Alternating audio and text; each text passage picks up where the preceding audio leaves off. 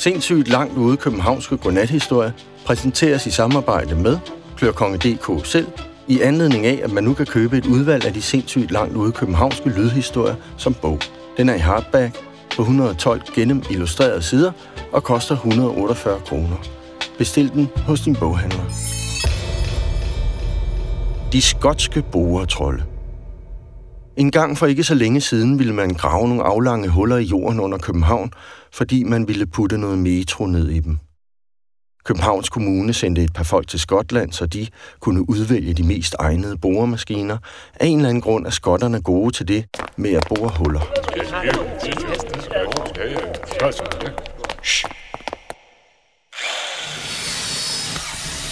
No, I don't think so. Uh, maybe you have something bigger?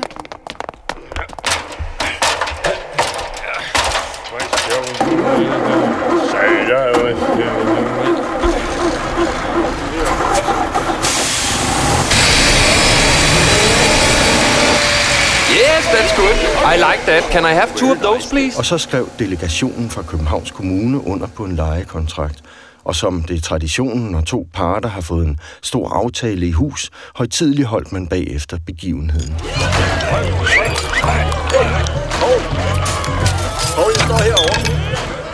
Mens man knyttede kontakter og udvekslede visitkort i det skotske boreselskabs kantine, gik det hverken værre eller bedre, end at en familie af skotske boretrolde flyttede ind i en af maskinerne og gemte sig.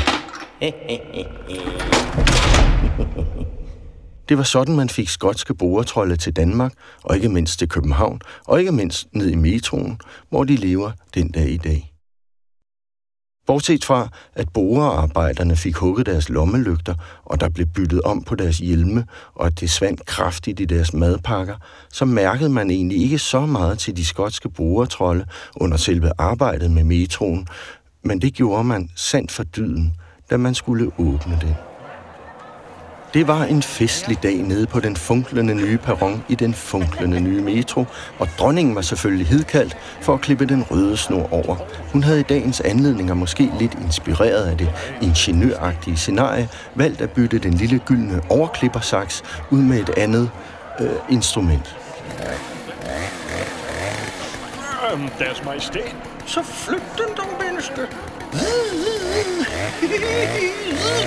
Er de sikre? Hvorom alt andet er, så lykkedes det til sidst også dronningen at få mm, demonteret snoren, og metroen var officielt åbnet.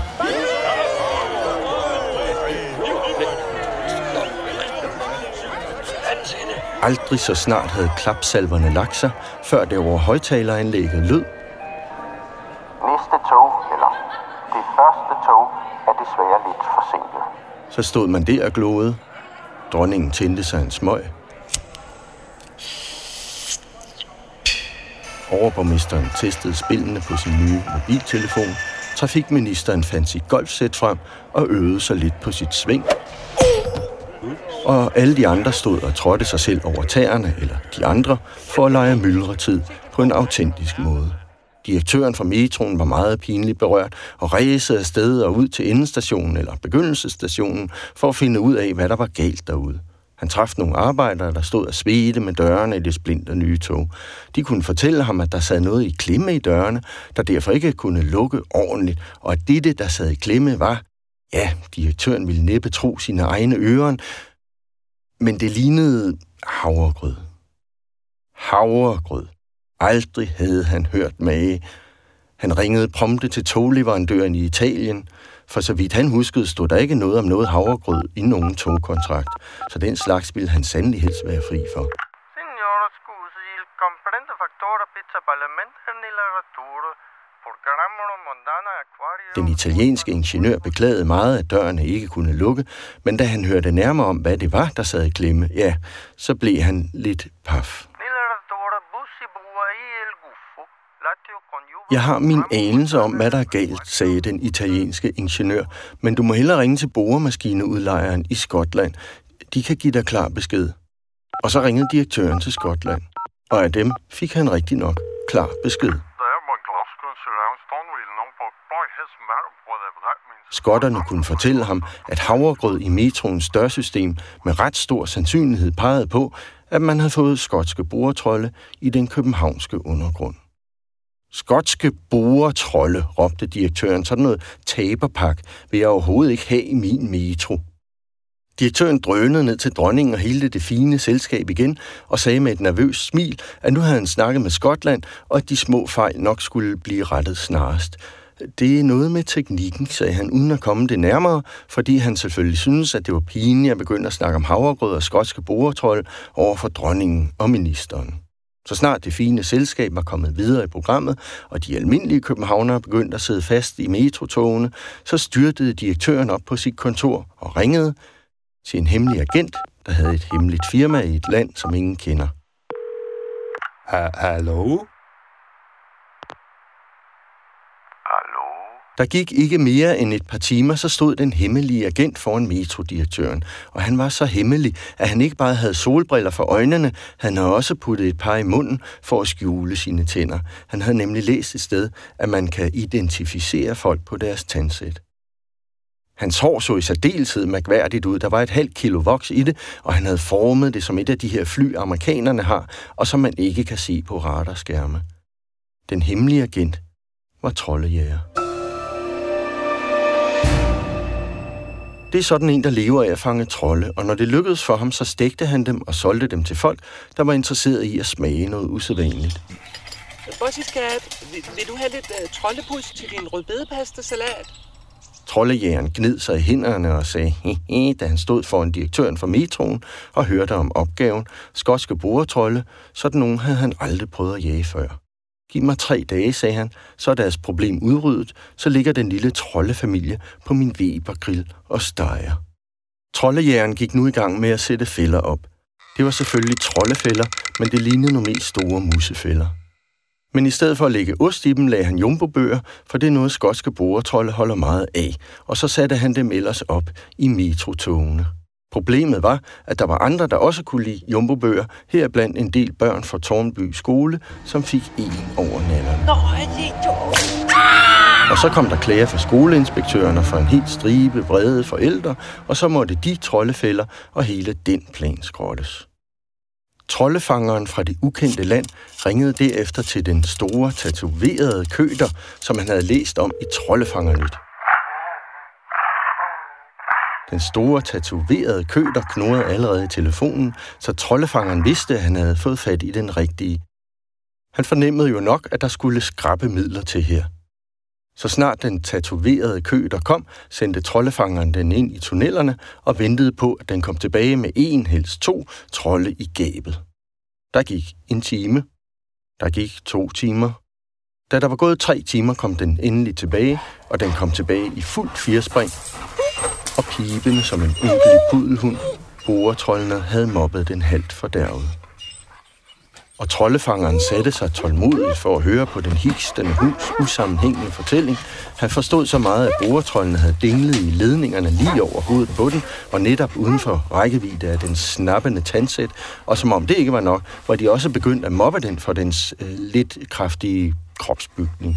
Så den tatoverede kø, der sagde sin stilling op lige på stedet, og den tog direkte hjem og indrykkede en annonce i Job Søges i gårdhundens tidene. Nu så troldejæren ingen anden udvej, end at drage ind i tunnelrørene selv. Og han var ligeglad med, at der var bilmørkt i de bilmørke afkroge, for han havde sin store stavlygte med og lyste ind i dem. Indimellem stansede han og lyttede for at finde ud af, om de må ikke sad og gnaskede havregrød et sted eller bladrede i en jumbobog. Men der var ikke en lyd, bortset fra ekkoet fra hans egne skridt. Da han på et tidspunkt ville gå videre, skvattede han lige så langt han var. Det var, som om nogen havde spændt ben for ham. Han lyste irriteret ned på sine sko og så, at snørbåndene var bundet sammen. Han bandt knuden op med hissige bevægelser, mens han bandede af de skotske boretrolde. Det næste, han så, var en lyskejle, der dansede længere inde i tunnelen og til sidst forsvandt. De havde hugget hans stavlygte. Men troldejern var beredt på det værste. Han tændte den første tændstik. Dens lys flakkede uroligt i trækken, men i det samme sagde det. Lige ved siden af ham Troldejæren tændte febrilsk en ny tændstik, men aldrig så snart var svovlet brændt ud, og flammen skulle til at æde af den lille træpind, før det sagde igen, og tændstikken gik ud. Det gentog sig 50 gange, for der er nøjagtigt 50 tændstikker i en tændstikæske, og for hver gang var det, som om der bagefter blev lidt mørkere. Troldejern begyndte at svede. Det var som om, der kom flere og flere skotske trolde omkring ham. Som om de sad i mørket på elkasser, dinglede ned fra ledninger, kravlede på væggene. Så flygtede troldejægeren ud af tunnelen, og han løb direkte hen på metrodirektørens kontor, hvor han sagde det, som det var, at man aldrig ville slippe af med de boretrolde, at de var kommet for at blive, og at han, den store troldejæger, i øvrigt sagde op lige på stedet. Metrodirektøren kløede sig i håret og sagde, at så gad han heller ikke være med mere. Der var ikke noget ved at bestyre en metro, hvis man ikke bestyrede det hele. Så metrodirektøren sagde også op. Han flyttede ud på landet og begyndte at dyrke roer og hyrede en tatoveret køder til gårdspladsen. Og det var vist meget godt. For hvis man ikke kan klare, at der er lidt trolde i undergrunden, så kan man lige så godt fise ud på landet og sidde og kukke lure og være sur og gø af postbuddet, når han en gang imellem kommer med reklamer for brusen.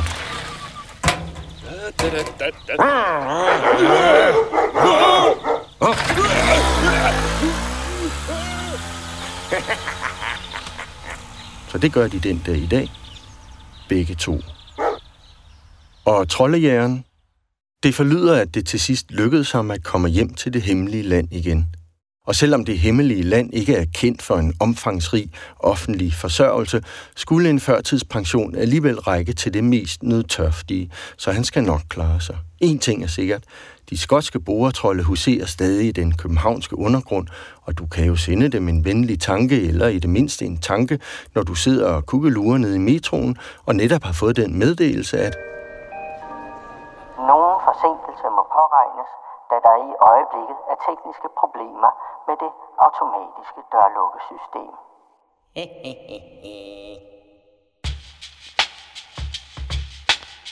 Sindssygt langt ude københavnske godnathistorie er skrevet og indtalt af Boris Bold Johansen med lyd og teknik af Bossy Bo.